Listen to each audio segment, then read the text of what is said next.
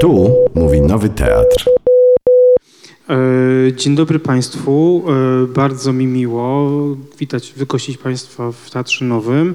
Ja nazywam się Kasper Powłocki i będę miał przyjemność prowadzić e, to spotkanie i niezwykle cieszę się, że tak tłumnie Państwo przyszliście w ten poniedziałkowy wieczór.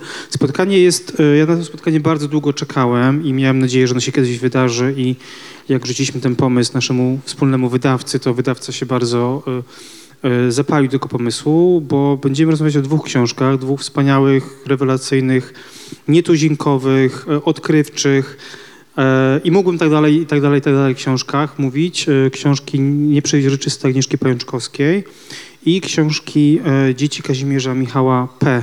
Garapicha. Dodaję to P, bo to jest bardzo ważne P Michał pewnie będzie tłuma- też tłumaczył, opowiadał więcej na ten temat.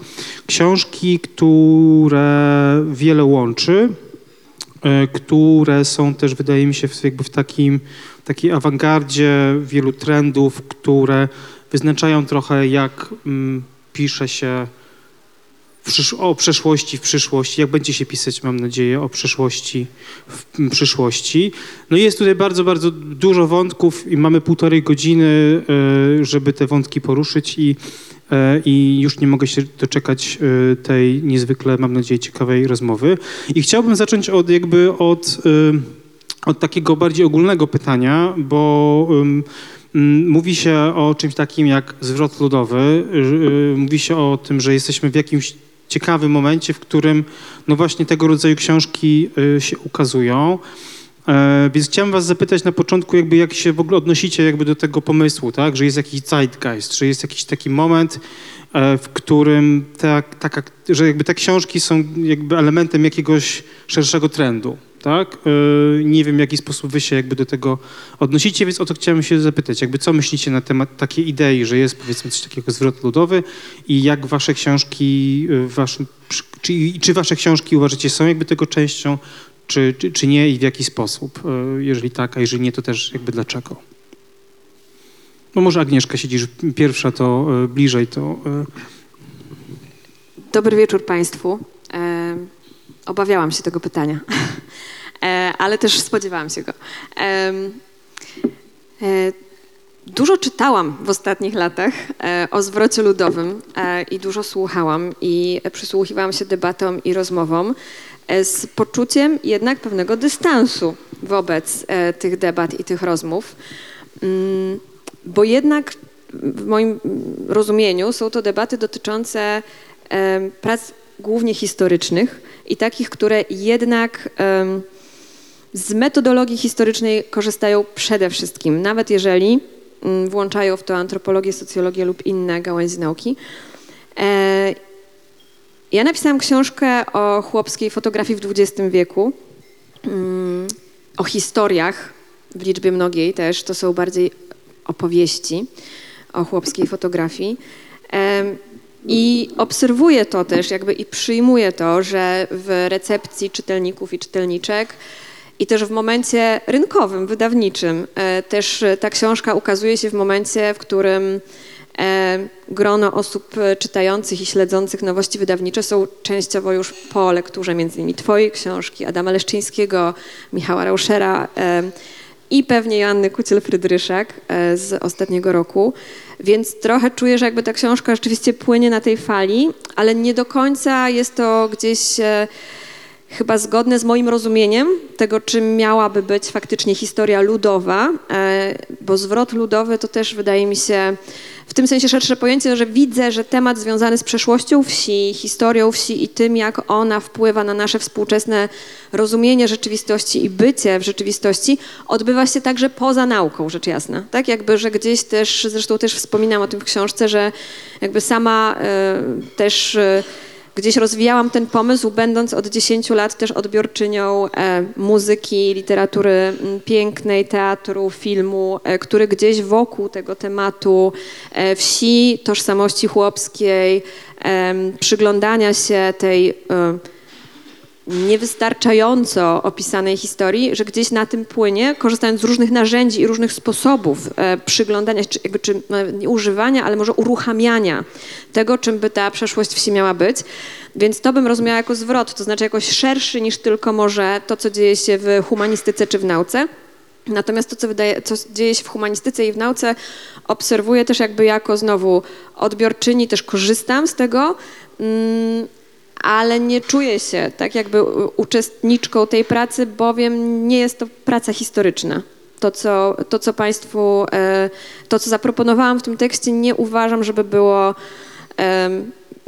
tak, pracą historyczną, jakkolwiek rozumiem też, że w związku z tym, że zajmuję się takim, a nie innym wyborem fotografii, które osadzam w rzeczywistości e, e, wsi XX wieku w Polsce, to rzecz jasna, że może to być tak czytane. Natomiast gdzieś w pierwszej kolejności mam e, przekonanie, że jest to książka właśnie o fotografii, dla której obszarem refleksji czynię wieś XX wieku w Polsce, a konkretnie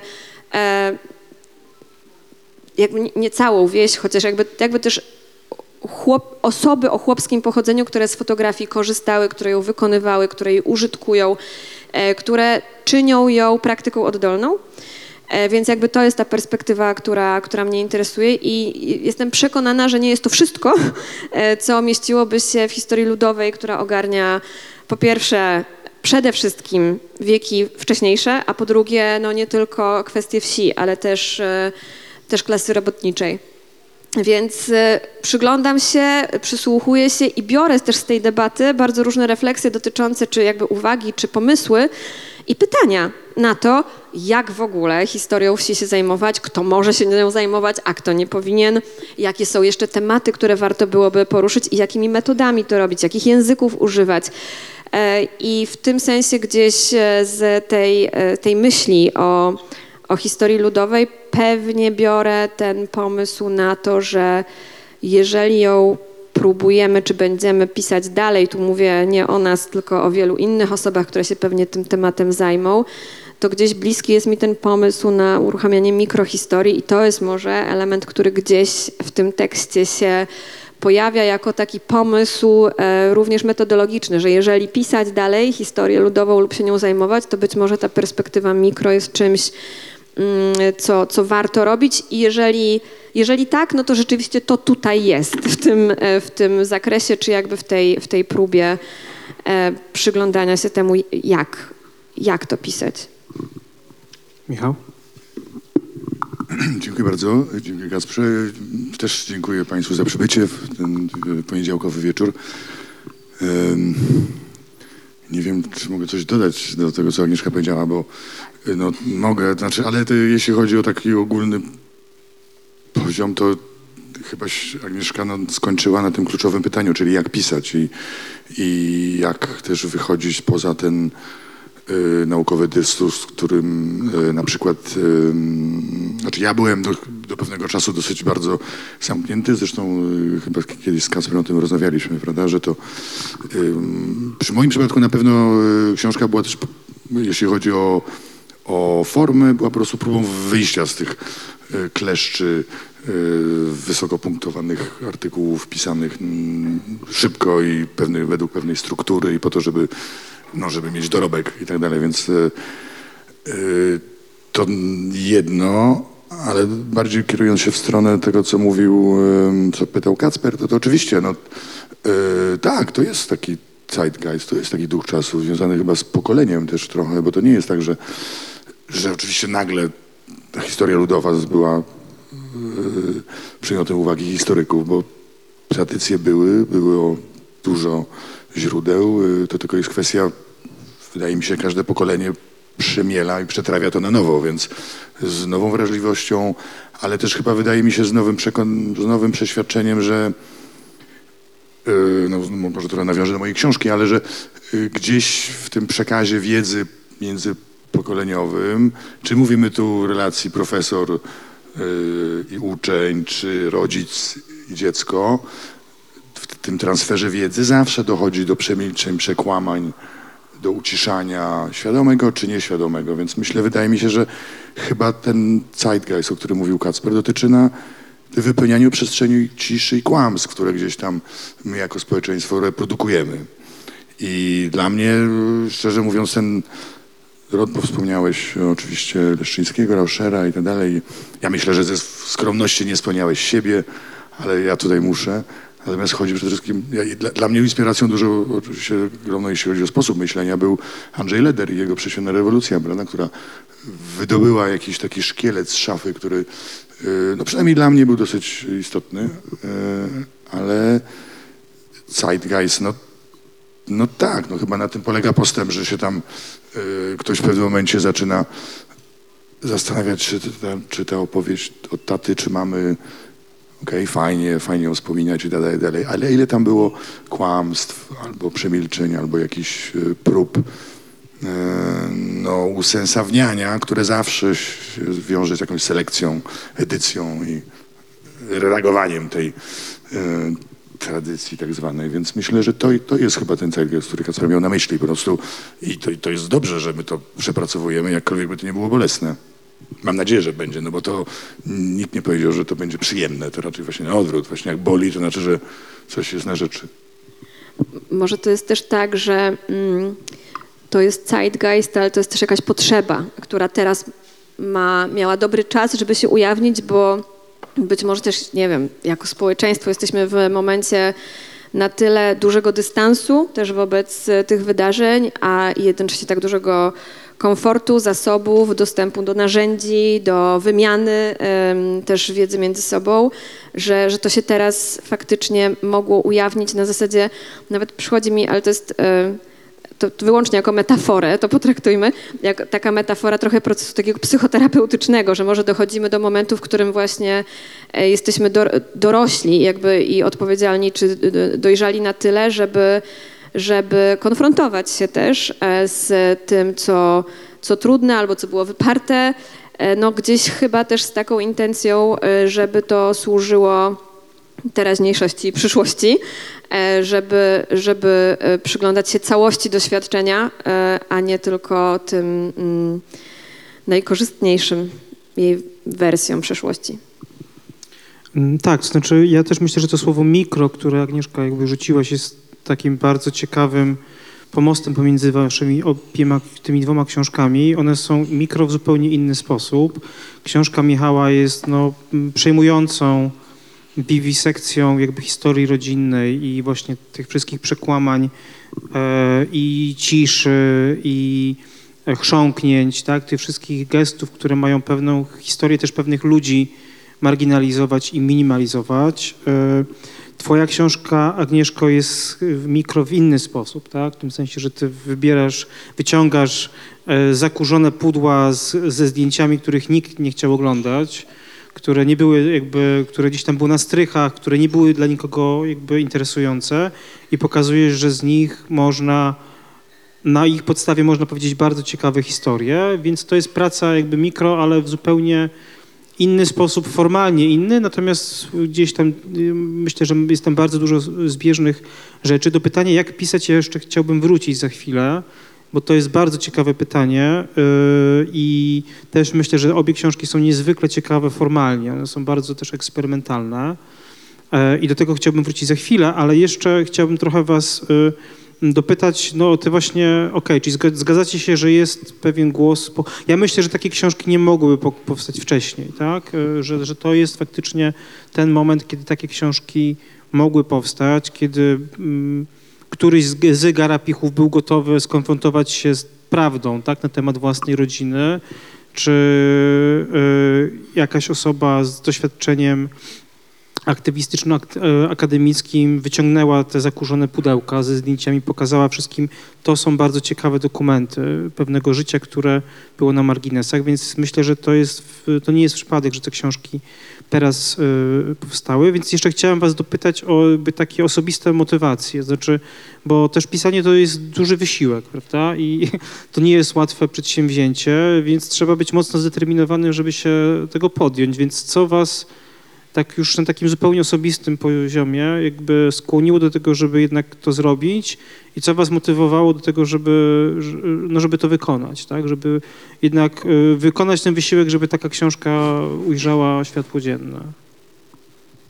To ja może e, najpierw, bo tutaj e, mm, jedną rzecz, to jest trochę odpowiedź na pytanie, ale też trochę chcę dopowiedzieć jedną rzecz, że to nie jest tak, że, mm, że oto ja jako autorka teraz e, przemierzyłam Polskę i odkurzyłam te zakurzone pudła i to jest też trochę o tym właśnie, jak pisać może być może tą ludową historię i jak to się dzieje i czy ona jest, czy jej nie ma, bo ja jednak w tej książce korzystam z pracy wielu osób, które to zrobiły przede mną, ale zrobiły to lokalnie. Zrobiły to w swojej wsi, w swojej okolicy, były nauczycielem lokalnym historii, albo archiwistką społeczną, albo bibliotekarką, albo e, pasjonatką. I to oni, one mm, trafili na przykład na zbiory fotografii, właśnie te zakurzone, te, te, po prostu z takiej anegdoty, tak jakby zakurzone negatywy na strychu. E, e, I, I to oni je nie wiem, czy uratowali, a przy, dali im uwagę na pewno, zdigitalizowali, czasami opisali i ja zadając sobie takie zadanie, jak pytanie o to, hmm, co wiem o chłopskiej fotografii i dlaczego tak mało, e, wykonywałam nie tyle pracę odkurzania, bo to już ktoś dla mnie zrobił, tylko do, docierania do tych osób, które często zajmują się nie wiem czy ludową historią, ale lokalną na pewno, lokalną historią swojej wsi i to rzadko kiedy ma okazję wyjść poza to lokalne środowisko, w którym jest ważne też w inny sposób. I to była też taka praca trochę zbierania, kolekcjonowania, oczywiście też szukania, jasne, e, szukania, docierania i, i wybierania, ale jednak też e, też na to chcę zwrócić uwagę, że dosyć dużo chyba w tym, co może się nazywać też, czy może być częścią e, ludowej historii, dzieje się nie na poziomie akademicko-uniwersyteckim, tylko dzieje się na przykład właśnie w praktykach archiwistów, archiwistek, pasjonatów lokalnych. I, I gdzieś też czuję, że jest zadaniem docieranie do tego i korzystanie na przykład z miejsca, w którym jestem, żeby no właśnie ująć to, tak, jakby w, w tej pracy i powiedzieć tak, to jest stąd, a to stąd, a to jest tam i, i też pokazać, że to jest rodzaj sieci. E, Sieci, znaczy, że- ja trochę pisząc tę książkę buduję sieć, zbierając rzeczy, które właśnie odkrył ktoś, e, ktoś często wcześniej. Motywacje osobiste. Tak, zgadzam się, że praca nad tekstem to jest e, ciężka praca e, i wymagająca dużo, dużo jakoś samozaparcia. E, w moim wypadku Oczywiście jest to też jakaś, jakiś kawałek taki osobisty, zupełnie inaczej niż u ciebie, Michale, bo, bo, bo nie opisuję historii swojej rodziny. Nie miałabym czego opisać, w, zajmując się fotografią chłopską w swojej rodzinie. E, Ale w tym sensie jest to osobiste, że tematem fotografii i tematem mm, bycia na wsi, pracy na wsi, em, nawiązywania relacji i spotykania się z osobami, których rzeczywistością jest rzeczywistość wsi, no zajmuje się mm, większość mojego życia zawodowego e, i, i jakby i gdzieś z tego zaplecza kulturoznawczyni i animatorki kultury, która w jednych z pierwszych swoich w ogóle doświadczeń jeszcze za czasów studiów, e, takich na poły e, edukacyjnych, a na poły zawodowych, próbowała używać fotografii i sprawdzać, czym jest w ogóle, czym może być fotografia jako narzędzie do spotkania, e, to gdzieś już wtedy e, w trakcie tych pierwszych tak zwanych badań terenowych wówczas Tomasz Rakowski był naszym, naszym przewodnikiem i opiekunem e, podczas tych zajęć. No, e, jechałam na południowe Mazowsze do wsi Ostałówek z takim pomysłem w głowie, żeby zapytać osoby, które będę miała okazję spotkać, o to, jakie zdjęcia mają w swoich domach i, e, i żeby zobaczyć, co na, tych zdjęć, e, co na tych zdjęciach jest, co mi to powie, o co mogę w związku z tym zapytać. I to było w 2005 czy 2006 roku, więc rzeczywiście ta droga do tej książki jest dosyć długa i wiedzie przez różne inne projekty. E, Sądzę, że taką motywacją, czy jakby taką, takim napędem było, było to jednak poczucie, że, że jestem w miejscu, które jest jakoś dla mnie nowe i ciekawe, i że ja mało wiem, i też, że ta metoda, którą sobie zadałam i którą wypracowałam, była jakoś ekscytująca w tej pracy. I, I też dlatego też wybrałam taką formę, jakby taką swobodę, którą daje mi esej, żeby jak najwięcej też przyjemności z tego pisania czerpać, bo też mam doświadczenie pisania akademickiego i I też nie bez powodu z niego zrezygnowałam w życiu. E, I, i chyba motywacją było jakby poczucie mm, działania jakby w, w miejscu, w którym miałam też taką przyjemność e, rozplatania, e, rozplatania wątków, które pozornie wydawałoby się, mm, należałoby oddzielić, czyli historii fotografii, historii osobistej, politycznej i społecznej historii Polski. I to dawało mi szczególną taką, no tak, radość też, że, to się, że to się dzieje i, em, i że mogę też, e, że, że mogę czuć, że, że sama przed sobą dochodzę do e, nowej wiedzy. Jeżeli nawet nie o wsi, to o fotografii na pewno. E, I to było chyba główną motywacją.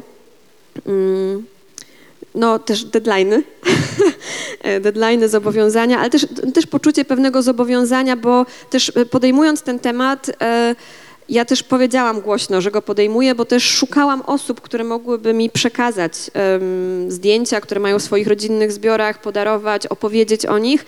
Więc też e, na pewno motywacją była reakcja, którą, z którą się spotykałam w tamtym czasie.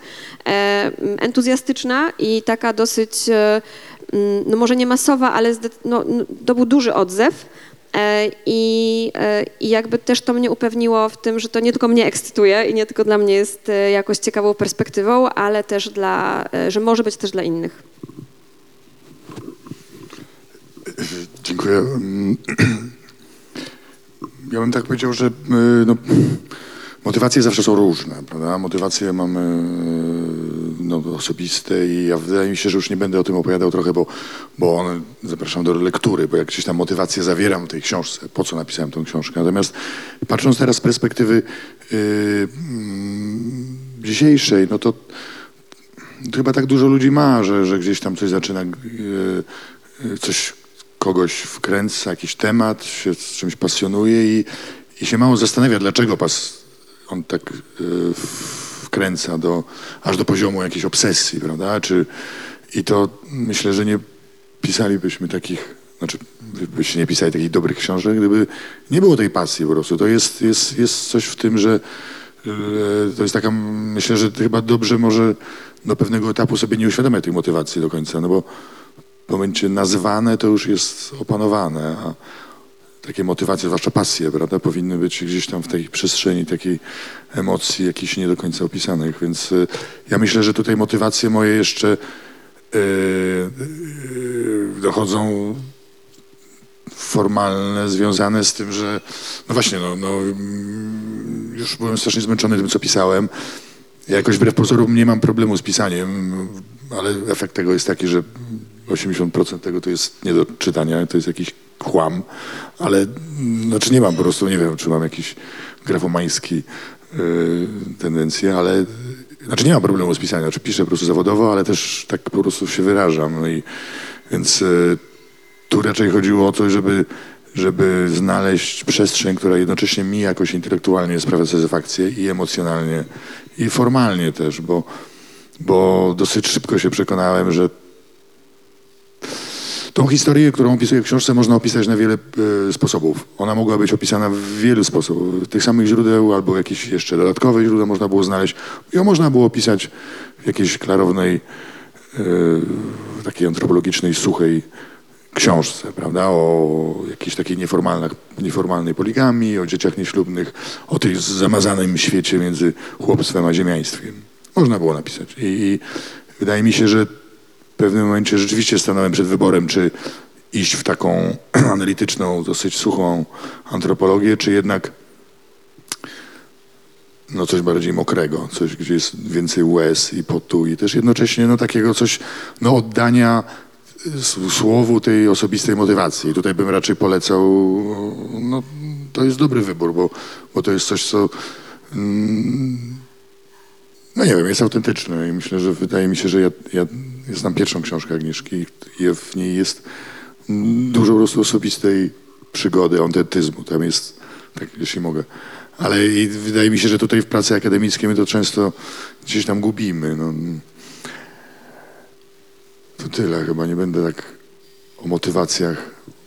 No tak bardzo skromnie, bo książka Michała jest niezwykle odważna, e, jakby i formalnie, ale też jeżeli chodzi o jej treść, bo dla osób, które jeszcze jej nie czytały, do czego bardzo gorąco zachęcamy. No, Michał pokazuje, że jego pradziadek, o ile dobrze pamiętam, tak, pradziadek, Kazimierz, y, nie miał jakby tylko oficjalnych dzieci, oficjalnej żony, tylko miał jeszcze trzy inne domy, y, partnerki i jest cała jakby genealogia i cała jakby część rodziny y, Michała, która formalnie nie jest jego rodziną, więc to jest książka, która jakby przywraca tym ludziom należne ich miejsce, tak, w tej całej, w tej całej, y, ja tu pokażę, bo to jest wspaniale też rozrysowane, y, y, jakby tak to wygląda, tak, więc to jest y, ta cała skomplikowana właśnie poligamia i z punktu widzenia takiego antropologicznego, bo ja obie książki, i to jest jakby kolejny temat, o którym chciałem porozmawiać, czyli o teorii,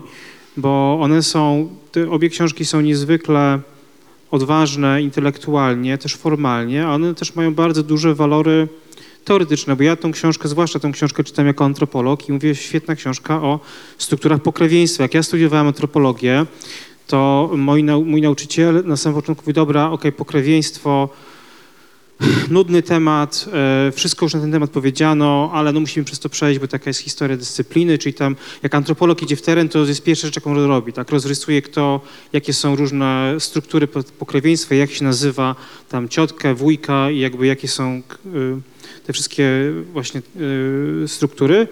No i generalnie było takie przekonanie, że jakby nic ciekawego tu nie można powiedzieć. Okazuje się, że Michał jakby robi rzecz rewolucyjną, a mianowicie pokazuje, że polskiej historii nie mamy tak polska rodzina nie jest rodziną nuklearną, tylko bardziej mamy do czynienia z pewną właśnie chłopsko-szlachecko-ziemiańsko, w- w- jakąś poligamią, bardzo dziwnym systemem. Ja, y, będąc po tej książce już wyczulony na ten temat, czytając różnego rodzaju źródła, trafiam na bardzo dużo podobnych historii. Tak? Czyli to nie jest wyłącznie historia w skali mikro, znaczy Michał jest w stanie to odtworzyć przez to, że e, jest jako uczestnik tej jakby części rodziny jest, ma, słyszy te wszystkie szepty i te wszystkie e, chrząknięcia i te wszystkie e, e, znaczące cisze i jest w stanie to otworzyć, odtworzyć. Natomiast to jest historia, która jakby no absolutnie odwraca do góry nogami myślenie na temat tego, jaka, jak inaczej polega życie rodzinne w Polsce, w polskiej historii. Więc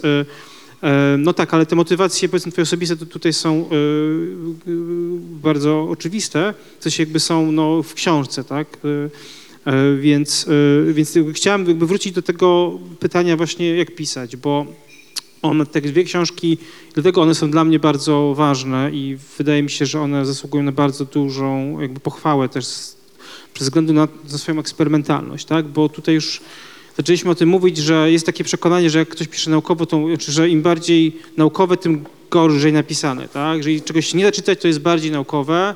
Jeżeli coś jest jakby im bardziej bełkotliwe, tym jest jakby mądrzejsze w pewnym sensie.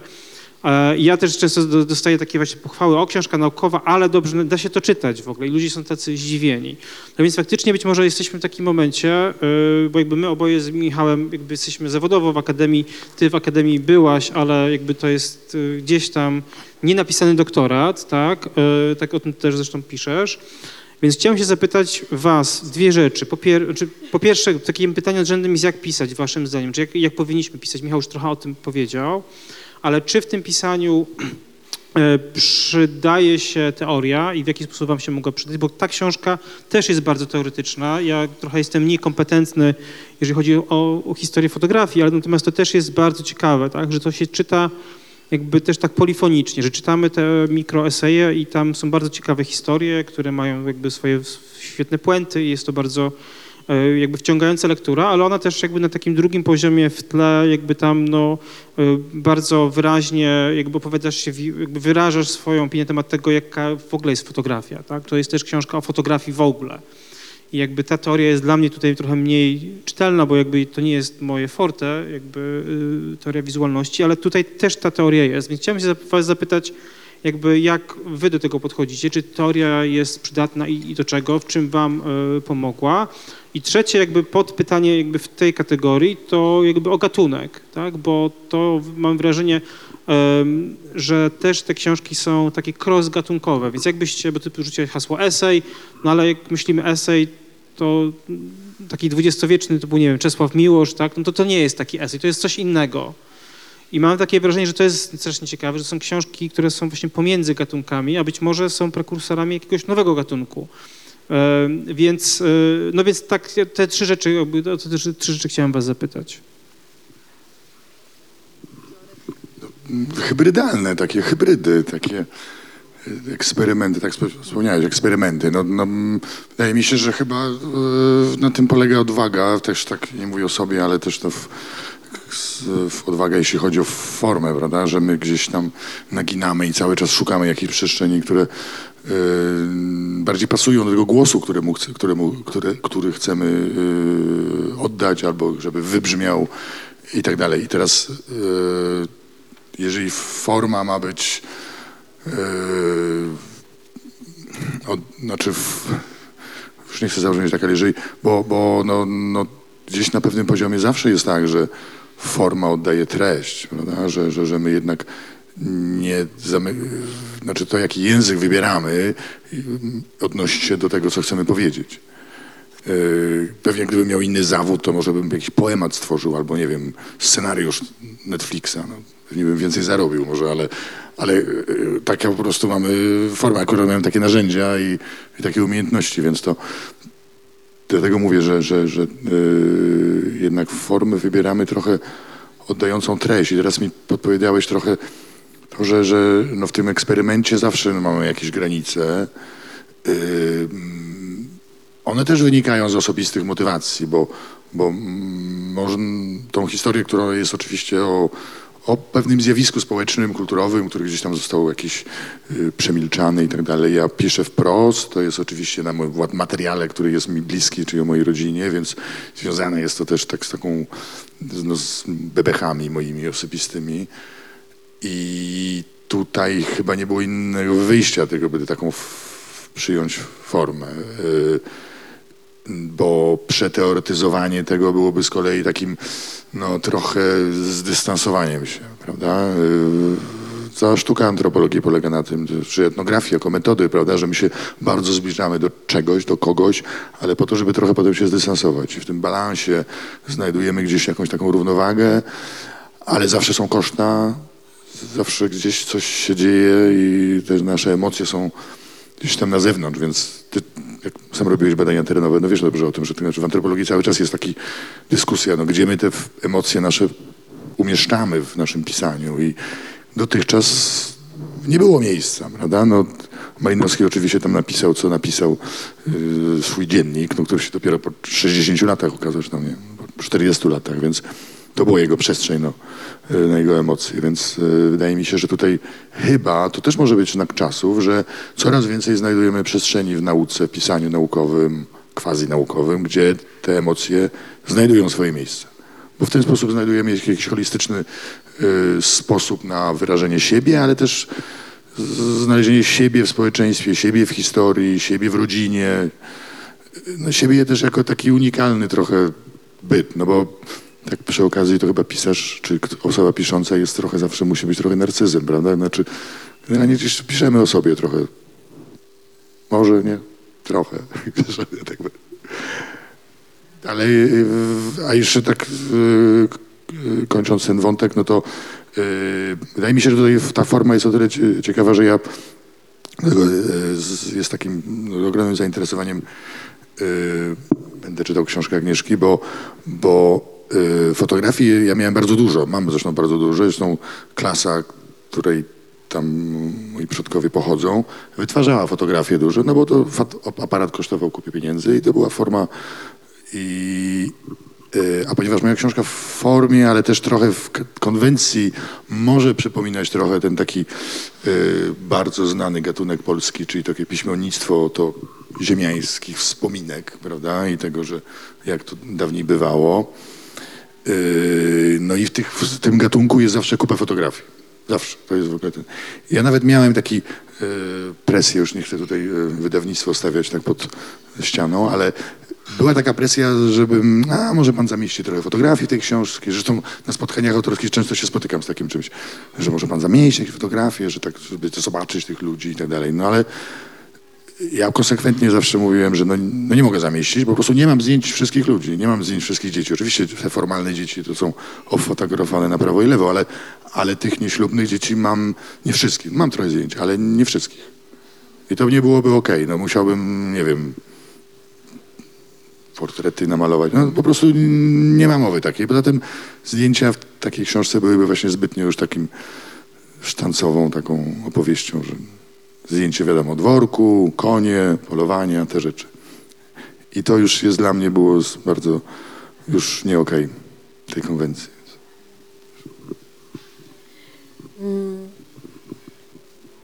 Ja, y, pewnie tak jest, y, tak się y, zatrzymałam na tej twojej myśli, że zawsze piszemy o sobie, ale może też to w tym sensie bym mm, zmieniła, czy nie wiem, rozszerzyła, że na pewno piszemy ze swojego miejsca, ze swojego punktu widzenia i że, mm, i że chyba dobre jest, jak pytasz o metodę na przykład pisania, żeby to miejsce ujawniać bardzo wyraźnie. E, Jakby kto, kto mówi, kto pisze, to jest zresztą pytanie, które ja biorę no, z samej fotografii, ale kto patrzy? To znaczy, kto zrobił to zdjęcie? To jest e, takie pytanie e, mm, odwrócone. E, najczęściej pytamy o to, kto jest na tym zdjęciu, albo gdzie to zostało zrobione, a rzadziej, chociaż rzecz jasna, to, to, to, to zależy też kto patrzy, ale rzadziej pada to pytanie, no, no właśnie, a, a, a kto zrobił to zdjęcie, skąd miał aparat, a jak to zdjęcie trafiło do ciebie i tak dalej. Więc wydaje mi się, że to pytanie o to, po pierwsze, kto patrzy, kto pisze, e, czyli czyją perspektywę, mm, kim jest osoba, z której perspektywy opowiadana jest historia. To jest ta opowieść, opowieść, nie historia. To jest, to jest wydaje mi się, kluczowe. Ale też biorę, mm, no właśnie z samej teorii fotografii dużo dla pisania. E, takie pytanie, e, e, to, to, co otwiera antropologia kultury wizualnej w rozumieniu obrazów i praktyk związanych z patrzeniem i wytwarzaniem obrazów, co zachęca do pytania o to wszystko, co wydaje się pozornie oczywiste, a wymaga pytania. Taka metoda, e, mówiąc kolokwialnie, jak to też na spotkaniu autorskim jedna z osób podsumowała, dzielenia włosa na czworo. E, Pytania o to, co wydaje się neutralne, co wydaje się oczywiste, co wydaje się jednoznaczne. I fotografia jest dla mnie do tego bardzo dobrym narzędziem i materiałem, dlatego że przez samą swoją historię wynalezienia i przez pierwsze dekady recepcji tego wynalazku, E, 1839 rok, XIX wiek, e, fizyczno-chemiczny wynalazek, e, rewolucja przemysłowa, elity e, Anglii, Anglii, Francji, Niemiec, jakby i wiara w to, jakby nie wiara, przekonanie, że oto udało nam się e, oswoić, podbić, użyć kolejnych jakby e, wejść, wejść w pewną władzę nad kolejnymi prawami fizyki i chemii i doprowadzić do spełnienia pewnej fantazji o tworzeniu obrazów mechanicznych, technicznych, które są rzekomo niezapośredniczone ręką człowieka, więc dają dostęp do prawdy. Do prawdy, do obiektywności, do tego, że są dowodem, dokumentem, że są... No i tutaj pa- padają te wszystkie takie frazy w stylu, że fotografia znaczy więcej niż tysiąc słów, że jest uniwersalnym językiem. Te wszystkie fantazje, które umieszczono w fotografii, jednocześnie e, wystrzeliwując ją na taką prostą e, kolejnych dekad i, i, i, i, obecnego stulecia, w którym jakby gdzieś to cały czas na nią, na nią ciąży. To znaczy to takie przekonanie, że fotografia jest albo prawdziwa, albo fałszywa. Że to jest albo dokument, albo manipulacja, że to jest albo dowód, albo kreacja.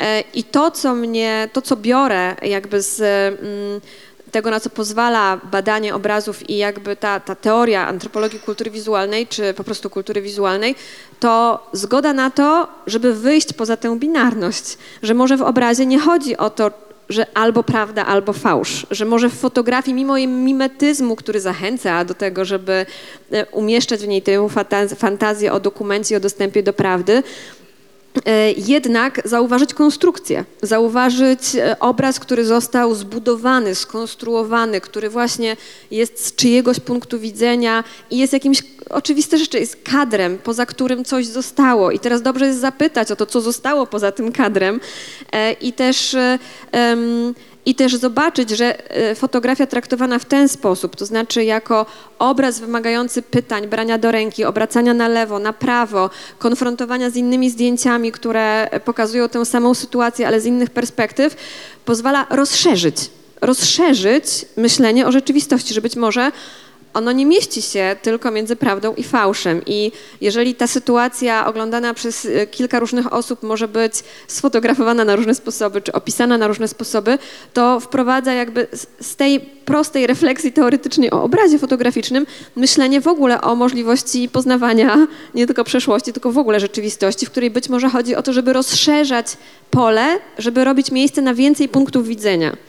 I, e, i też e, to jeszcze a propos tej, tego zwrotu ludowego, czy tej historii ludowej, też pamiętam, już mi się sklejają te wywiady i rozmowy i debaty, ale że gdzieś właśnie chyba był formułowany wobec e, autorów i autorek, które proponowały kolejne tytuły dotyczące historii ludowej, taki zarzut, że oto jest próba jakby zanegowania tak, dotychczasowej e, wersji historii. E, Jakoś wydaje mi się, że no to, to, to jeżeli tak o tym myślimy, to znowu jesteśmy w tej zero-jedynkowości. Może jest tak, że właśnie e, korzystanie z tych narzędzi, które teraz mamy w humanistyce, w teorii, w sztuce też, e, czy nawet w myśleniu o samej metodologii historycznej, która przyjęła przecież historię mówioną i, i tą właśnie mikrohistorię, że może możemy z tego korzystać nie po to, żeby znowu tutaj proponować wersję, która teraz ma zastąpić tę poprzednią, tylko ją no właśnie nie wiem, uzupełnić, dać nowy wglo- jakby nową perspektywę, dodatkową, że może to nie oznacza zanegowania wszystkiego. E, I tu nie chodzi mi o jakąś taką konsyliacylność na siłę, tylko, tylko rzeczywiście o takie pomyślenie, że w, tym, ym, w, w takim myśleniu o pisaniu też jest e, bardzo duży potencjał tego, że jeszcze bardzo wiele może być e, napisanych nowych rzeczy, które będą znowu próbowały ująć ten temat na jeszcze inne sposoby, z jeszcze innych perspektyw i to wcale nie neguje twojej, twojej, twojej czy mojej, mojej propozycji, że jest bardzo dużo miejsca na to, żeby, e, żeby właśnie e, zauważać tematy, które jeszcze nie zostały poruszone. To też ciekawe, jakby, e, żeby uzupełniać perspektywy, które jeszcze wymagają zauważenia. I to właśnie wcale, to, to może być taki obraz, który pęcznieje, a nie który mm, właśnie jest e, prawdą lub fałszem. Tak, czyli jakby poszerzanie pola widzenia, tak? Myślę, że to jest też taki, takie hasło, które, które łączy wasze książki. E, Agnieszko, ty robisz to tak wręcz dosłownie, tak pisząc o, o wizualności fotografii. E, U Michała, bo też obie książki są bardzo wyrafinowane metodologicznie. Agnieszka tutaj przedstawiła e, przez chwilę jakby jak, jakie wybory metodologiczne ona jakby podjęła pisząc te, te eseje. U Michała natomiast to jest też bardzo ciekawy traktat dotyczący zderzenia między historią pisaną i historią mówioną, prawda, czy też szeptaną.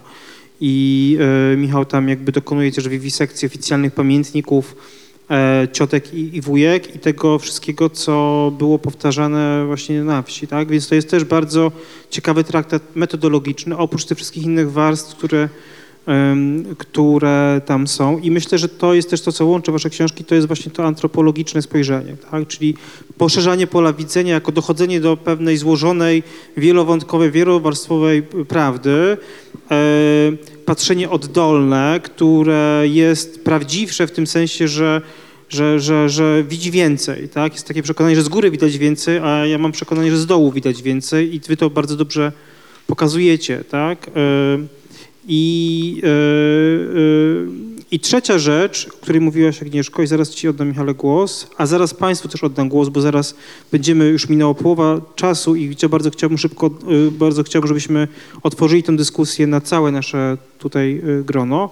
I wreszcie to, co powiedziałaś, że ja tak myślę, że antropologia jest taką nauką, której celem jest skomplikowanie oczywi- jakby rzeczy, które wydają się oczywiste. Tak? Ja pamiętam, jak ja studiowałem, chodziłem na różne zajęcia na przykład i bardzo szybko się odbiłem od ekonomii. W ekonomii jest tak, że im prostsze, jakby im bardziej elegancki model, czyli im prostszy, tym jest to niby prawdziwsze, czyli jakby tym jest lepiej, tak? Czyli jakby całym jakby celem ekonomii i wielu innych nauk jest jakby upraszczanie rzeczywistości, znajdywanie jakiegoś takiego idealnie wzoru, który jakby tłumaczy wszystko, jakiś taki społeczny E, e równa się mc kwadrat, a w antropologii jest dokładnie odwrotnie. Mam takie jakby punktem wyjścia jest takie przekonanie, że nasze widzenie rzeczywistości jest bardzo ograniczone i praca jakby teoretyczna, czy badawcza, czy pisarska, jak w tym przypadku, polega właśnie na poszerzaniu i komplikowaniu tych prostych wytrychów takich myślowych, które mamy. Więc myślę, że to jest też w dużej mierze jakby te trzy elementy stanowią jakby też o antropologiczności waszych e, projektów. Tak, ja tak się wy- wyrywałem, bo nagle coś mi przyszło do głowy, co może odpowiada na twoje pierwsze pytanie o ten zeitgeist, bo, bo mówimy tutaj o poszerzaniu pola widzenia, o tym takim bardziej holistycznym podejściu do, do obrazu, do słowa, do może przełamania pewnego dyskursu naukowego, który już nie ma być nudny jak flaki z olejem, tylko coś y, generalnie korespondować z naszym rzeczywistym, ale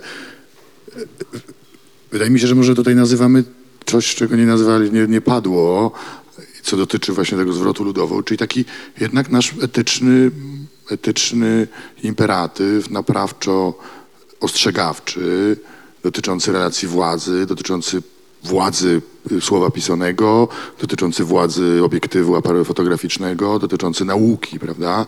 To są bardzo silnie znaczy praktyki, które są bardzo silnie umocowane w racjach władzy. I my dokonujemy tej krytyki, sami będąc w tych strukturach trochę, sami operując słowem, nauką, aparatem i tak dalej, ale jesteśmy świadomi tego, że tutaj jest potencjał do nadużycia tego, więc wydaje mi się, że może mówimy tutaj o zeitgeistie takim yy, no, chciałbym może to zabrzmi optymistycznie, ale właśnie takim yy, naprawczym, Yy, Znaczy twoja książka, Kacprze, jest na pewno tutaj ma dosyć dużą rolę, związana z takim, z czymś, co ja cały czas uważam, że za mało o tym napisałem, za mało używałem słowa przemoc. Po prostu nazywanie słowa po imieniu, prawda? I y, twoja książka jest o przemocy i tutaj tak wydaje mi się, że może jest kwestia też tego, dlaczego my robimy to, co robimy, związanego ze zmianą pokoleniową i tak dalej, i tak dalej, że jesteśmy trochę w innych czasach niż w latach 70., 60., kiedy ta produkcja na przykład pamiętników ziemiańskich miała swój szczyt, i, czy tam 80., 90., kiedy y, y, no, mm, wydaje mi się, że tu teraz jesteśmy na etapie, gdzie mm, można pewne rzeczy robić bardziej no bo co my mówimy, mając na myśli tam yy, odkopanie głosu ludzi, którzy nie mieli swojego głosu, czy nie mieli swoich obrazów i tak dalej. Co mamy na myśli? Mamy przede wszystkim na myśli Nie. sprawiedliwość. Nie, no ale sprawiedliwość, nie? No I prawda. Ale ty- pra- Znaczy ja się nie boję tego słowa prawda. Przez No, ja wielkie- się boję, ale z drugiej strony, no też. Ale też to ja się zastanawiam, jeżeli poruszyłeś tą kwestię, no właśnie takiego mm, poczucia, nie użyłeś tego słowa, ale takiej powinności, tak? Rozumiem. Na, na, Takiego no, praktyki naprawczej, ale powinności można to nazwać, tak. Mhm. Okej, praktyki tak. naprawczej. No to ja bym miała taką obawę, że mm, czy to przypadkiem nie ustawiałoby nas i innych osób, które zajmują się tym tematem w takim, takiej, wiesz, takiej pozycji sprawiedliwych ratowników, wiesz, że jakby i i ja też to oddawanie głosu, to bym bardzo uważała z tą frazą, jakby sama, sama do siebie to mówię, bo też o tej książce też y, y, czytam czasami, czy słyszę właśnie, że o, to jest takie oddanie głosu. Mm, W niektórych miejscach, w niektórych rozdziałach to się udaje, bo rzeczywiście gdzieś, e, e, gdzieś mm, rzeczywiście ktoś mówi w swoim imieniu. Mm, Taką radykalną próbą oddania głosu e, mieszkańcom, a właśnie mieszkankom wsi był była akurat inna książka, reportaż e, A co wyście myślały? Spotkania z kobietami z mazowieckich wsi, który napisałyśmy razem z Aleksandrą Zbroją i to jest tekst, który w całości składa się z monologów, z wypowiedzi e, kobiet, z którymi rozmawiałyśmy w 2017 roku na Mazowszu. No dobra, to to jest oddanie głosu. No to są po prostu ich wypowiedzi. A tutaj mam mm, poczucie, że gdzieś e, pewnie jest jeszcze dużo pytań czy pracy do zrobienia z tym, co by to miało oznaczać, że my oddajemy głos. Ja oddałam miejsce fotografiom, na których są te osoby i są wykonane przez te osoby i były na ich użytek prywatny, są ich własnością i tak dalej. No to oddaję jakby miejsce na ich reprezentację wizualną, taką też właśnie wykonywaną oddolnie. Ale trzeba by na pewno głos, bo e, tutaj się pojawia jakby taki te duży temat i o kwestie na pewno dostępu do źródeł, gdzie ten głos jest i na ile, na ile głęboko można sięgnąć, żeby naprawdę ten głos usłyszeć, albo pytania o to, e, jak dzisiaj słuchać tego głosu i, e, i nawet tu mam na myśli i pewnie reportaż, etnografię i, e, i różne też projekty artystyczne, ale też gdzieś y, mm, dzwoni mi, dzwoni mi w uszach y, to przekonanie, że być może tych zapisów, czy no właśnie głosów rozumianych jako zapiski osób, które z, y, z warstwy chłopskiej się wywodzą, dla których to jest ważna część tożsamości, pewnie ich jeszcze dużo jest dopiero do odszukania, do odkopania. Więc i też wiem, że są jeszcze przecież też badacze, badaczki, autorzy, autorki, którzy, które pracują nad kolejnymi pracami, y, nad tytułami na ten temat. I jakby tu wydaje mi się, że może rzeczywiście gdzieś to może w tobie czy w nas było, ale nie jestem wcale pewna, czy to jest y, mm, dobry przykład realizacji tego postulatu, żeby oddawać głos. Skoro rozmawiamy o oddawaniu głosu, e, a raczej poszerzaniu e, dyskusji, to myślę, że to jest dobry moment, żeby włączyć więcej głosów do tej rozmowy, bo my na tej kanapie moglibyśmy jeszcze pewnie przez parę godzin tak rozmawiać. E, więc, drodzy Państwo, jeżeli ktoś chciałby coś powiedzieć, to może być pytanie, to może być komentarz, to, to zachęcamy. Mamy jeszcze mm, 35 minut e, planowanego czasu. To może zapytam. Książka mm, o fotografii nie jest historią, ale czy można powiedzieć, że jest historią sztuki albo w jakimś stopniu o historię sztuki zahacza? Nie. jest raczej. E, e, jest raczej taką propozycją pomyślenia o fotografii, e, która owszem, e, właśnie w kategoriach historii sztuki przez długi czas i najczęściej e, była opisywana, badana i ze względu na swoje artystyczne, estetyczne, plastyczne walory uważana za profesjonalną, wartą przechowywania jako dziedzictwo kulturowe, hierarchicznie znajdującą się wyżej niż na przykład fotografia rzemieślnicza, więc jest to dokładnie polemika z takim założeniem że fotografią warto się zajmować wtedy, kiedy ona jest częścią historii sztuki, chyba że rozszerzylibyśmy rozumienie sztuki również o praktyki użytkowe, rzemieślnicze, oddolne, prywatne, amatorskie itd., itd., ale wtedy moglibyśmy to rozszerzać pewnie bez końca. E, Więc raczej jest to właśnie taka próba, e, próba e, pisania o fotografii poza tym, poza rozpięciem jej między tymi właśnie przeciwstawnymi kategoriami w stylu sztuka-dokument. Tylko poszukanie tego trzeciego miejsca, gdzie fotografia jest też wernakularna, czyli użytkowa, pamiątkowa, rodzinna, domowa, prywatna, co w gruncie rzeczy stanowi większość historii fotografii, w sensie nie tej napisanej, tylko tej praktykowanej, większość produkcji fotograficznej, większość wykonanych, innymi słowy, e, w e, dotychczas zdjęć to są zdjęcia, które nie spełniają kryterium bycia sztuką lub e, profesjonalnym dokumentem czy reportażem, więc raczej jest to rzeczywiście skierowanie uwagi w to, co do tej pory raczej znajdowało się poza polem sztuki. Czy pan jest usatysfakcjonowany tą odpowiedzią? Okej, zapraszamy kolejne głosy.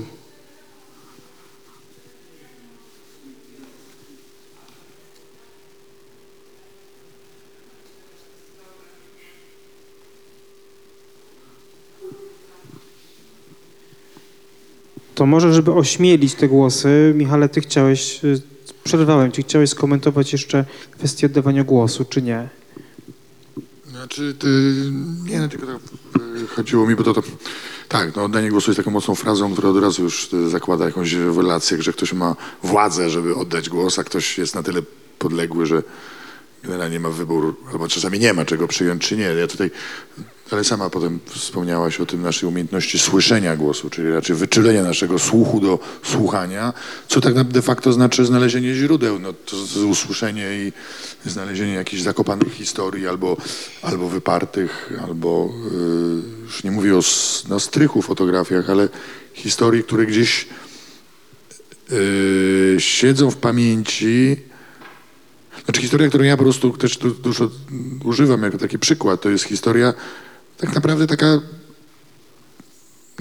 Historia powstała z tego samego powodu, dla którego powstawały całe yy, no, mm, ogromny dorobek tradycji poezji ludowej, przyśpiewek weselnych, czy w karczmach i tak dalej, y, z klas ludowych i robotniczych, opowieści o niesprawiedliwości, prawda? I historia, która dotyczyła mojej rodziny, którą ja opisuję, dotyczy właśnie tego, a to była historia, to była kilka zdań tak naprawdę wypowiedzianych, ale historii czegoś, co się stało 120 lat temu i ona dotarła do mnie w tym sensie, więc tutaj chodzi o to po prostu gotowość słyszenia tak naprawdę, naszą, naszą.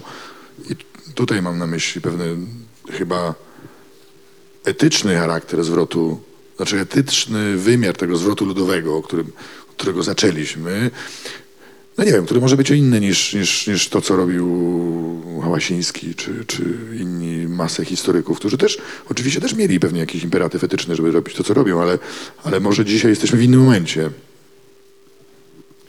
A co was najbardziej zaskoczyło podczas pracy nad tymi książkami? Tak trochę jakby zmieniając temat.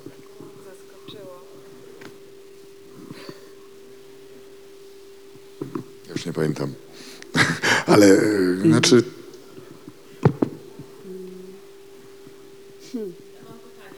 Świetnie. To ja się zastanowię w międzyczasie. Okej, tak. Bardzo mnie interesuje kategoria płci w kontekście pisania waszego i e, w ogóle rozmowy o powiedzmy tym tak zwanym zwrocie ludowym, czy może w kontekście książek, które powstawały, czy to Andrzeja Ledera, czy Adama Leszczyńskiego. Generalnie wydaje mi się, że to jest bardzo ważna kategoria do sproblematyzowania, e, czy to w kategorii e, upłciowanej historii osobistej, czy w ogóle w kategorii pewnej opowieści kulturowej, narracji, którą się nazywa kobiecą, albo takiej, która się nazywa męską, ponieważ wydaje mi się, że to jest dosyć istotne w kontekście chociażby przywołanej na początku kulcie Frydryszak, e, w której popularność wydaje mi się, że również wynika z tego, że po prostu książki, która tak encyklopedycznie zbiera pewnego rodzaju świadectwa, też po prostu wcześniej nie było i ktoś e, musiał zapoczątkować e, ten sposób patrzenia czy pisania. Więc ta kategoria płci, czy ona była dla was ważna przy pisaniu? Jeśli tak, to w jaki sposób? A, a może była ważna, ale stowarzyszona w ogóle z kategorią tożsamości, bo jak wiadomo, sama płeć nie wystarczy tutaj. Dzięki. Jasne, że była ważna. Oczywiście, że była ważna. I jakby to e, pytanie, czy jest możliwe, żebym znalazła e, zdjęcia wykonane przez chłopską fotografkę, było jednym z tych pytań, które mnie prowadziło, jakby jednocześnie z tym wyobrażeniem i świadomością, jak wiele zasobów e, trzeba było mieć w rzeczywistości polskiej wsi lat 30., czter- 20., 30., 40., ale też 60., 70., żeby móc fotografować. E, I to, e, bo to też może ważne, że, mm, e, że w sytuacji, w której ja okra, okroiłam sobie, czy jakby wybrałam sobie jako temat pracę z fotografiami, a więc także fotografującymi osobami, jakby zdecydowałam się na to, żeby mm, pracować wokół historii osób, które miały pewną szczególną pozycję w swojej społeczności.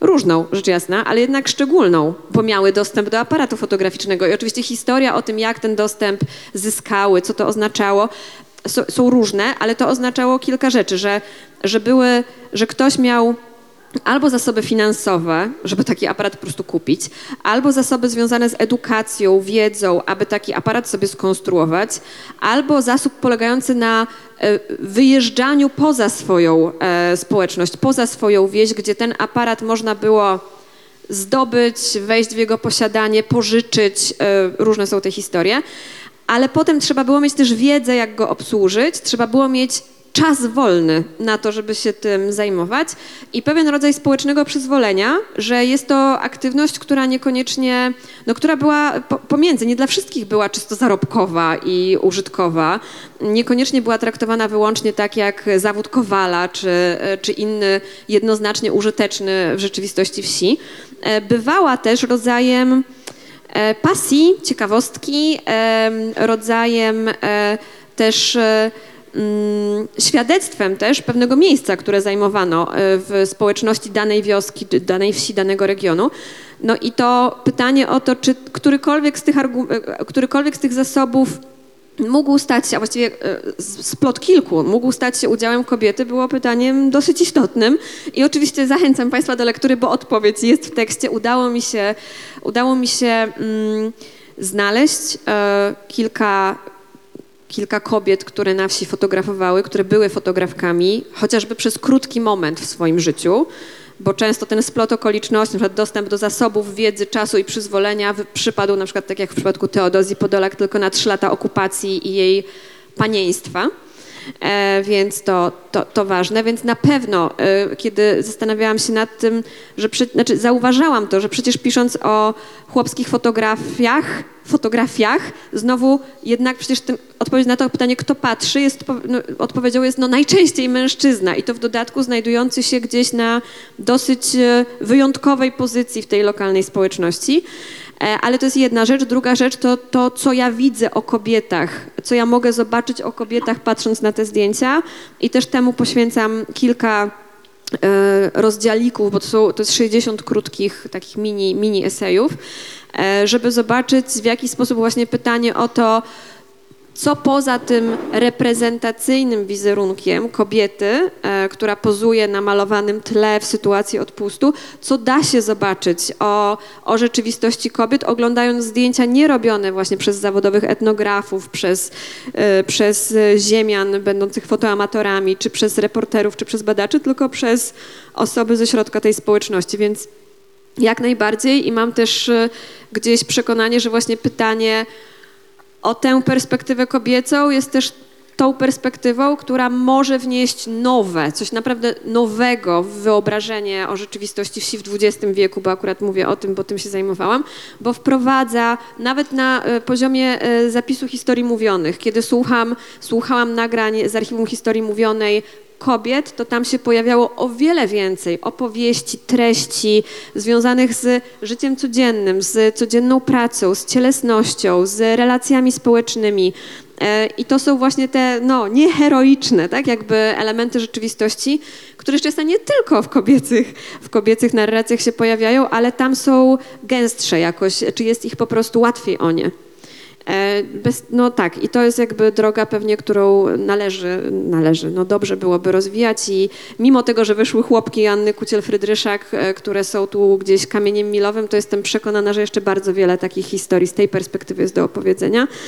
E, I też jakby w przypadku zdjęć, jakby ten dostęp do fotografii, który był w zdecydowanej mierze zarezerwowany dla mężczyzn, znowu, no jakby pozwala nie tyle usłyszeć i się dowiedzieć, ale zobaczyć, że narracja o tej, e, e, o doświadczeniu wsi, nawet w sytuacji, kiedy jest oddolna, jest jednak też w tym sensie nieneutralna i nieprzezroczysta, że mediowana głównie właśnie z perspektywy męskiej. Dziękuję bardzo. To jest bardzo dobre pytanie. No, ja, no, no tak, oczywiście. Znaczy moja książka się obraca wokół kwestii płci. Tak krótko mówiąc. Yy, tylko jednocześnie jest napisana przez faceta i ja też dobrze zdaję sprawę i chyba zawieram to w książce, no po prostu gdyby była napisana przez kobietę, by pewnie inaczej wyglądała. Może na inne rzeczy byłyby inne akcenty byłyby położone. To jest trudne pytanie jednocześnie o źródła i tego, kto mówił i kto słyszał. Yy, Dawał, wydaje mi się, że tutaj kluczowa dla mnie była kategoria po prostu męskości, która yy, oczywiście wiemy to, no to nie jest odkrycie, prawda? O, o, yy, o, yy, ym, znaczy na wysoce uprzywilejowanej pozycji na, i, i w perspektywie historycznej powoli powoli traci tą y, pozycję. Oczywiście nie zupełnie, ale z różnych powodów. Y, Powoduje to no, taki dosyć y, zamęt y, w y, tym patriarchalnym świecie. Y, Ja teraz mówię tak z perspektywy 100 lat trochę, prawda? I to bardzo powoli następuje. Wiemy do dzisiaj, że to następuje czasami bardzo powoli ale jednocześnie jest, jest to, wydaje mi się, że historia y, większego zrównania y, relacji płciowych.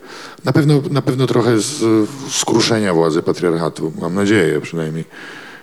No tak, na, na pewno jest, no, to już nie ulega wątpliwości, bo, bo przywileje, które miał mój pradziadek,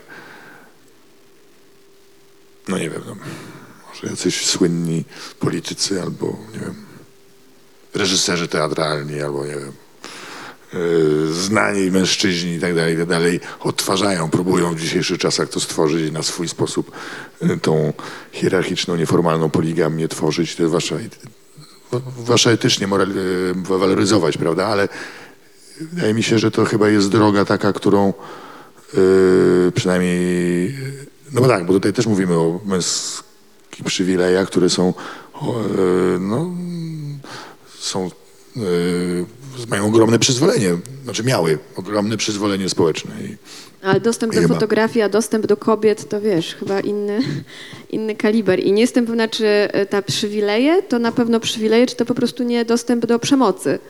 W przypadku no, akurat... przywilej e, dostępu do przywilej zadawania przemocy bez sankcji i w momencie e, takiego skrajnego patriarchatu przywilej do no, przywilej bezdyskusyjnego egzeku, egzekucji tej władzy. Z bardzo znaczy z, z oczywiście z jakimiś, znaczy zawsze zdarzały się e, chwile, chwile oporu, prawda, w czasach niewolnictwa, czy, czy, czy w takich skrajnych relacjach nierówności zdarzały się momenty oporu i, i, i gdzieś, mam nadzieję, udało mi się znaleźć, ale, ale no ja nie wiem, wydaje mi się, że no to mm, był część, przynajmniej w rodzinach ziemiańskich, no to, to szło jedno z drugim. No aparat fotograficzny był, był drogi, mieli to zazwyczaj faceci, no może czasami kobiety. Kobiety akurat, akurat w przypadku mojej rodziny rzeczywiście to był, e, ciocia Ela miała aparat, no ale no nie, ale to, to, to jednak był pakiet, pakiet e, przywilejów, których korzystamy, których e, uprzedmiotawiamy, jednocześnie odtwarzamy tą hierarchię, bo e, no ona w tych fotografiach, które mam, przynajmniej gdzie są e, chłopi, e, no jest ewidentna. Czyli jeżeli mogę tylko jakby dopowiedzieć, bo wydaje mi się, że to, to, co jest niezwykle cenne w książce Michała, to jest to, co jakby w Akademii nazywa się inter, intersekcjonalnością, tak? Czyli to pokazuje, że przywileje, bo bardzo łatwo jest mówić o płci jakby w odizolowaniu od, od innych kategorii, tak? I w teorii zwłaszcza bardzo łatwo jest to robić, natomiast w rzeczywistości jakby te podziały na siebie zawsze nachodzą i różne formy wykluczenia, czy niesprawiedliwości, czy uprzywilejowania są ze sobą splecione. I ta książka w, no, w rewelacyjny sposób to pokazuje, tak, że pewne uprzywilejowanie klasowe, pewna relacja, pewne też kategorie tożsamości, tak, czyli właśnie pan i ham, y, podział między wieś a dwór, one też y, to jest jakby jedna płaszczyzna i one się przecinały z podziałami i sojuszami y, płciowymi i i e, myślę, że m, tak też myśląc o tych obu, obu książkach w kategorii właśnie jakby mikrohistorii, myślę, że m, to, co jest w nich ciekawe, to nie- właśnie nie jest oddawanie głosu i chyba zgadzamy się, że ta kategoria gdzieś tam nam nie pasuje, ale bardziej właśnie wypełnianie treścią pewnych abstrakcyjnych bytów.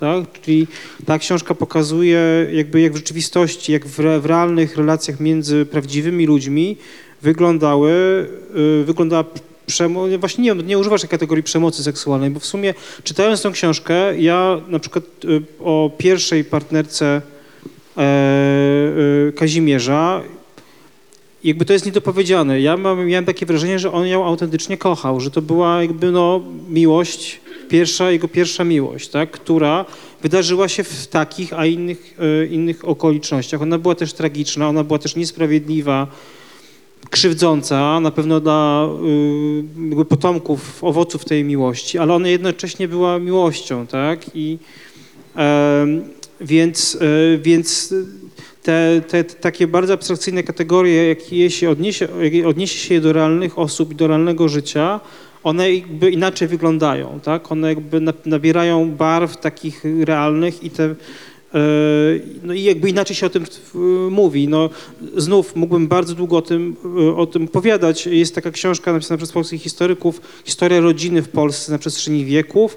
No i oni mają jakby takie, właśnie jest obiektywna historia, bo tam wyliczyli, że e, kiedy był ten moment zamąż, e, ślubu, kiedy mężczyźni z różnych klas jakby żenili się. No i jakby mają taki wniosek, że im wyżej w hierarchii społecznej, tym ten moment e, ożenku był późniejszy i tam właśnie w rodzinach ziemiańskich to jest tam 30 parę lat i w życiu mi przyszło do głowy zastanowić się, jak wyglądało życie erotyczne e, tych mężczyzn do tego 32 czy tam 33 roku życia. Tak? I ty to opisujesz jakby w całej no, nieoczywistej y, tra- tragizmu, jakby w całym jakby z wszystkimi jakby Tak. bolesnymi, ale też chyba szczęśliwymi, bo ja taki obraz to jest tej książki, tych dzieci biegających, tak, tych chłopskich dzieci, znaczy, bo ta pierwsza miłość Kazimierza to jest dziewczyna, z którą on dorasta, ona jest służącą we dworze, tak, i to jest jego rówieśniczka.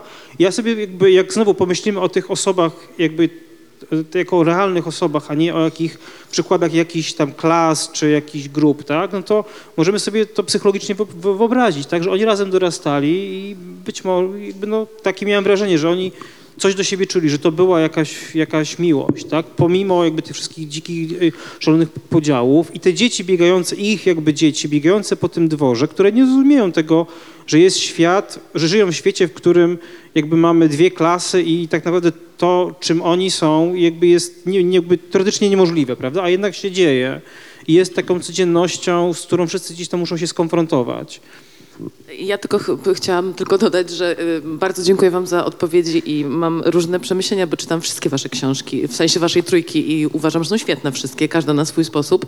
Natomiast mam wrażenie, że miłość to jest taka kategoria dosyć obła i, i trudna i wydaje mi się, że też taka stosowana nadmiernie e, być może, ponieważ też jest e, kategorią, która zakłada w ogóle moim zdaniem partnerstwo, jednak w sensie taki rodzaj równości, e, które zakłada, że dwie osoby mogą wobec siebie coś e, czuć, gdzie nie ma relacji władzy. No tutaj ta relacja władzy istnieje, mimo że jest niedopowiedziana. Nie ma niewinności trochę w tej sytuacji społecznej, moim zdaniem, i jakby szukanie jej jest w pewnym sensie, moim zdaniem, ucieczkowe e, tutaj by było.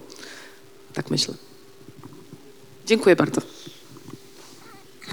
Tak, tak, ja już też chyba nawet nie, chyba nawet nie spekuluję tak no, odnośnie miłości, nie, to tam jest taka interpretacja ze źródła, że to była jakaś taka miłość, natomiast ja się nie uciekam do tego, no bo to mm, w końcu nie wiemy, no, na pewno nie była to mm, partnerska relacja, przecież no, to było to, mm, no nie no, z dzisiejszej perspektywy to była po prostu mm, strasznie toksyczna, okropna sytuacja, która oczywiście tam y, koszty emocjonalne pewnie były ogromne, ale na pewno dużo większe po stronie kobiety niż po stronie facetów. No ja tutaj daleki jestem tutaj od użalania się od nad utratą tych przywilejów, bo to, to, to, to bardzo dobrze się, że tak powiem, znaczy y, się stało i dzieje. Oczywiście to nie, nie ulega dyskusji. Tylko tutaj ja nie wiem, czy, znaczy miłość, bo y, chyba Kasprze miałeś na myśli po prostu ten taki jak się człowiek potrafi, się próbowałem wczuć, jakiś taki potworny dyskomfort, ale też e, zwłaszcza dla tych dzieci, prawda, które dorastają, jest ta hierarchia, ale możliwe, że to e, no, po prostu e, socjalizowane na wczesnym etapie dzieci były tak wcześnie wdrażane w ten świat, że jest, który jest nierówny, bo tak pismo mówi, wszyscy generalnie się zgadzamy, że wszyscy jedni mają, nie mają aparatów i chodzą y, na bosaka, a inni mają wszystko. No i dla tych ludzi to był po prostu normalny świat. No i dlatego też te momenty głosu buntu, oporu są takie ważne. No bo to są takie momenty takie bardzo ciche, bardzo trudno dostępne. To może też no, odpowiedź na pierwsze twoje pytanie, bo one nam przypominają, że nie, że ktoś tam mówi, ale hola, nie, to nie jest normalny świat. Ja też chcę aparat, w ogóle chcę sobie buty i w ogóle to nie jest w porządku, że, że jest samiec alfa, który sobie uzurpuje prawo do wszystkich dziewczyn w okolicy, więc myślę, że to jest taki troszkę, znowu wracam do tego, no, no dlatego te głosy są takie na, na ważne, one gdzieś na poziomie etycznym nam przypominają, że no gdzieś tam, w- przypuszczam, większość z nas, no wierzy w jakąś elementarną sprawiedliwość na tym świecie, no. Nie wiem, mam nadzieję, już nie chcę tak. Znaczy i mi taki głos się łamał, bo ja używałem słowa jakby miłość trochę w cudzysłowie, tak? Trochę wiedząc, że nasza współczesna jakby kategoria nie pasuje do tych sytuacji, które ty opisujesz, tak? Bo to nie jest tylko jakaś relacja erotyczno-rodzinna między kobietą a mężczyzną, to jest też miłość, jakby relacja między rodzicami i tej czułości ojca do jego dzieci. Nie wiem, no mam wrażenie, że Irena czuła się kochana przez swojego ojca, tak? I ona dużo jakby, czyli najmłodsza, z tego co dobrze pamiętam, córka Kazimierza, e, więc, ale no znowu łamie mi się głos, bo mam wrażenie, że właśnie twoja książka opisuje jakby taką szarą strefę, do której nie do końca jeszcze mamy jakiś taki bardzo jasny, klarowny aparat, żeby to opisywać, jakby w całej złożoności jakby tej y, sytuacji, co oczywiście nie nie eliminuje jakby dosyć jednoznacznego, jakby moralnego opisu tej sytuacji jakby z naszej perspektywy, tak? Ale no, to jest dlatego, dlatego ta książka jest ciekawa, jest jeszcze jakby e, ta babcia, prawda, która też jest e, jakby taką postacią w zasadzie dosyć czułą i taką pozytywną e, jakby postacią tego, te, tej całej układanki. Więc chodzi mi o to, że jakby te pewne abstrakcyjne role, w te abstrakcyjne role wchodzą różne osoby, to one mogą trochę inaczej wyglądać. Ta konstelacja, która się z tego układa, też jest bardzo ciekawa i to, y, no więc można sobie wyobrazić, że wiele, jakby, że każda oczywiście rodzina jest inna, bo ta konstelacja jest inna. Ty przez to, że miałeś dostęp jakby do tych osób i potrafisz odtworzyć te osoby w tak bardzo y, dużych szczegółach, możesz jakby tą głębię jakby złożoności psychologicznej odtworzyć, tak? gdzie te wszystkie wektory wyzysku i i jakby innych takich abstrakcyjnych jakby procesów relacji się jakby gdzieś się krzyżują i z tego wychodzi no niezwykle ciekawa opowieść, taka no bardzo nieoczywista. No, o właśnie, świetnie, czyli państwo się, e, tu był pan z przodu, e, pan z tyłu i pan z przodu znów. Mm, Ja mam pytanie o tę historię ludową, no bo mm, jakbym nie przeczytał po co, mm, pod jakim tytułem jest, y, czy hasłem jest to spotkanie, no to, to przepraszam, ale z całym szacunkiem dla Państwa trójki, no to historia osobista, historia fotografii, no a Pan prowadzi spotkanie. I, tutaj dwojga z Państwa odcięło się, że mam jakiś zeitgeist, coś tak słyszeli i wiedzą, ale w zasadzie nie, bo przecież tu jest historia osobista, Pani się specjalizuje w fotografii. A ja mam pytanie e, takie jako mm, odbiorca historii, bo Państwo mm, mam wrażenie, że doskonale się czujecie na sofach prowadząc tak naprawdę bardzo intelektualną dyskusję na temat y, waszego, mm, waszego warsztatu. Y, Prawicie sobie komplementy i to jest super. Ja nie czytałem tych książek, ale interesuje mnie zwrot ludowy mm, z punktu widzenia czytelnika. I zastanawiam się, czy, czy pomimo tych zastrzeżeń, które usłyszałem od Państwa, czy usłyszeliśmy wszyscy, to czy czujecie się gdzieś y, częścią tego, tego czegoś, co się nazywa zwrot ludowy i czy on ku czemuś prowadzi i czy czytelnicy, odbiorcy tych historii mniej lub bardziej akademickich, e, ale mm, mogą się spodziewać, że w historiografii szeroko rozumianej e, Polski wyłania się, czy może się wyłonić jakaś inna opowieść. No, czyli w, dla uproszczenia w, w 45 lat PRL-u k- kroczyli, e, klęczeliśmy tak trochę przed tymi paradygmatami marksistowskimi. Teraz przed, y, przez 8 lat przed żołnierzami wyklętymi, a ja mam pytanie, czy gdzieś ta historia się przesuwa w stronę historii ludowej, nie tylko historii ojczyzny i co by to miało właściwie znaczyć? Okej, to, to może zbierzmy wszystkie głosy z sali i potem zrobimy sobie ostatnią rundę e, głosów z kanapy. Bo tu pan jeszcze, pan podnosił rękę e, i pan z ostatnim rzędzie też podnosił rękę. Ja przepraszam, nie wszystko widzimy, bo mamy reflektory w twarzy, więc proszę tak energicznie pokazywać, że państwo chcecie też jeszcze zabrać głos. Ja do pani Agnieszki Pajączkowskiej, bo nie czytałem pani książki, ale znam książkę poprzednią o wędrownym zakładzie fotograficznym, którą zresztą przyjąłem bardzo entuzjastycznie i strasznie mi się podobała. Pisałem zresztą do pani na ten temat, co prawda nie dostałem odpowiedzi, no ale okej. Natomiast tutaj jest pytanie takie. Ja nie czytałem, nie wiem z jakich regionów są ci ludzie, którzy posiadali te fotografie, czy robili te fotografie. Nie wiem e, w jakich czasach te fotografie były robione. Nie wiem z jakich jakby stron byli e, ci, którzy posiadali te aparaty, czy to byli e, ludzie wiejscy, czy to byli jacyś małomia, małomiasteczkowi, powiedzmy, fotografowie, różnie na pewno mogło być. Ale czy pani mogłaby w kilku zdaniach podsumować jakby tą całą zebraną wiedzę, te 60 esejów? I nie, no po prostu chodzi o to, że mm, no, jest, to, jest, jest to duża praca, chodzi o to, że można by w jakiś sposób to, tak jak w pracach naukowych się ja- jakoś podsumowuje to, co się zrobiło, bo właściwie nie bardzo wiem, jaki wniosek jakby z tej całej książki jest? No to takie moje pytanie. Jeszcze pan z tyłu na pewno był i być może jeszcze ktoś. Ktoś jeszcze? Ja mam pytanie e, o sprawiedliwość. Co się pod tym kryje? Co to znaczy sprawiedliwość? Bo e, rozmawiamy tutaj, rozmawiacie Państwo e, o perspektywie. Tutaj pojawiło się temat uczuć, miłości, co to jest miłość i czy na pewno możemy w ogóle w taki sposób. Dużo tutaj uczuć się pojawia też, bo przecież pisząc e, nie możemy być obiektywni, tylko zawsze jesteśmy subiektywni. Więc te uczucia i emocje, które mamy w sobie, przenosimy na to, co piszemy i jak patrzymy, czy na fotografię, czy na historię. Więc pytanie o sprawiedliwość. Czym ono jest? Bo tutaj, jeżeli y, chodzi o miłość, to ja rozumiem, że chodziło o uczucie, które było jakieś ciepłe do kogoś. E, Nie czytałem tych książek, więc trudno mi się odnieść do historii, ale tak zrozumiałem. To może Michale zaczniemy od sprawiedliwości. To chyba jest pytanie. Kacprze, przepraszam, jeszcze może A, jedno dobrze, pytanie. super, tak, przepraszam, nie widziałem.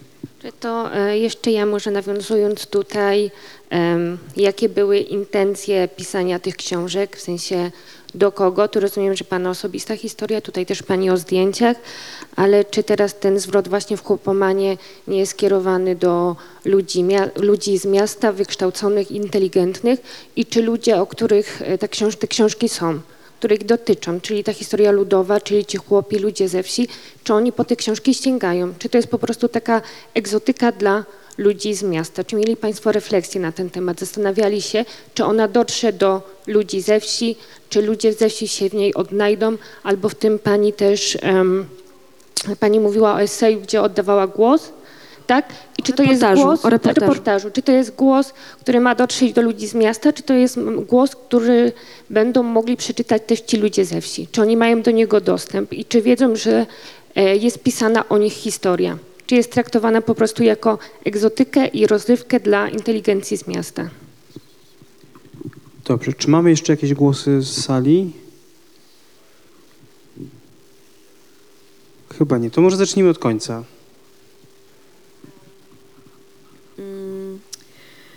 E, Ja, e, e, tak, to, to, znaczy, to zacznę zupełnie od końca. Tak, ta książka jest, ona wyszła w małym nakładzie, 2000 egzemplarzy. Jest, nie wiem czy w kilkunastu, ale w kilku bibliotekach, na Mazowszu na pewno.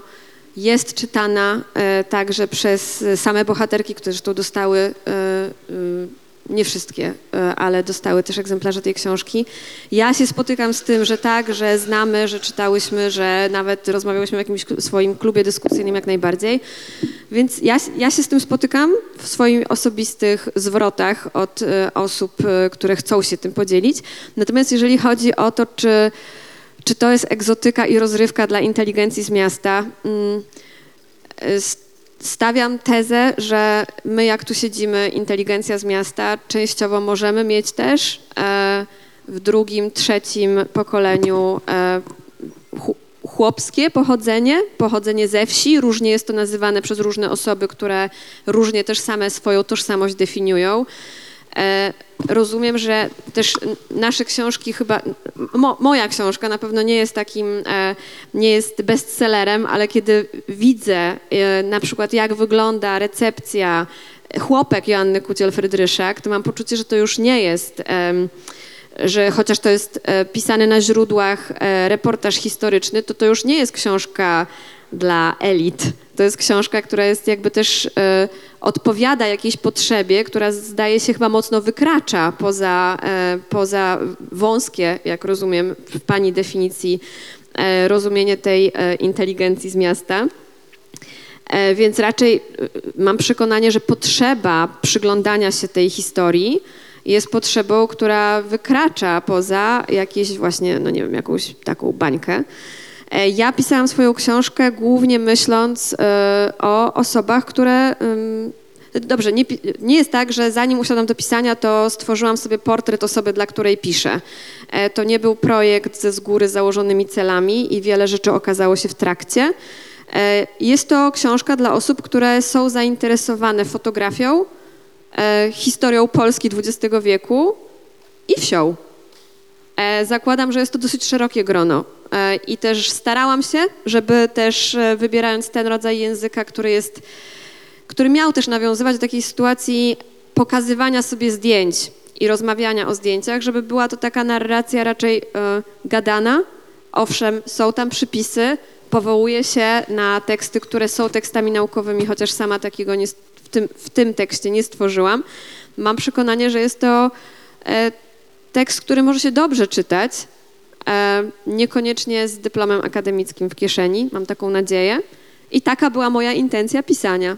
E, więc e, mam nadzieję, że to jest odpowiedź na pytanie. E, kto dokładnie tą książkę przeczyta, dowiem się pewnie za jakiś czas. Natomiast na razie spotkania, które mam o tej książce, są w dużych miastach.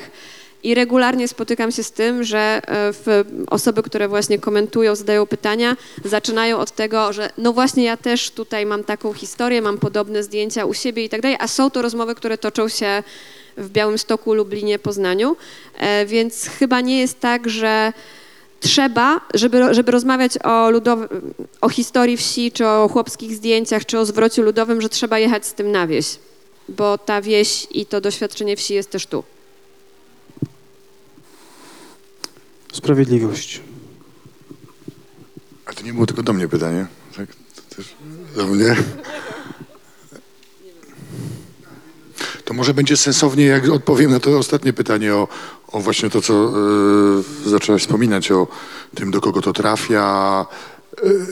I no ja mam nadzieję, że trafia do, do różnych ludzi. Mam nadzieję też, że trafia do y, i trafia, wiem, bo na jednym spotkaniu autorskim w Krakowie y, pan o szacownym nazwisku wziął, wstał i wrzuć, wrzucał i wyszedł, więc y, i to też ci ludzie też powinni to słyszeć.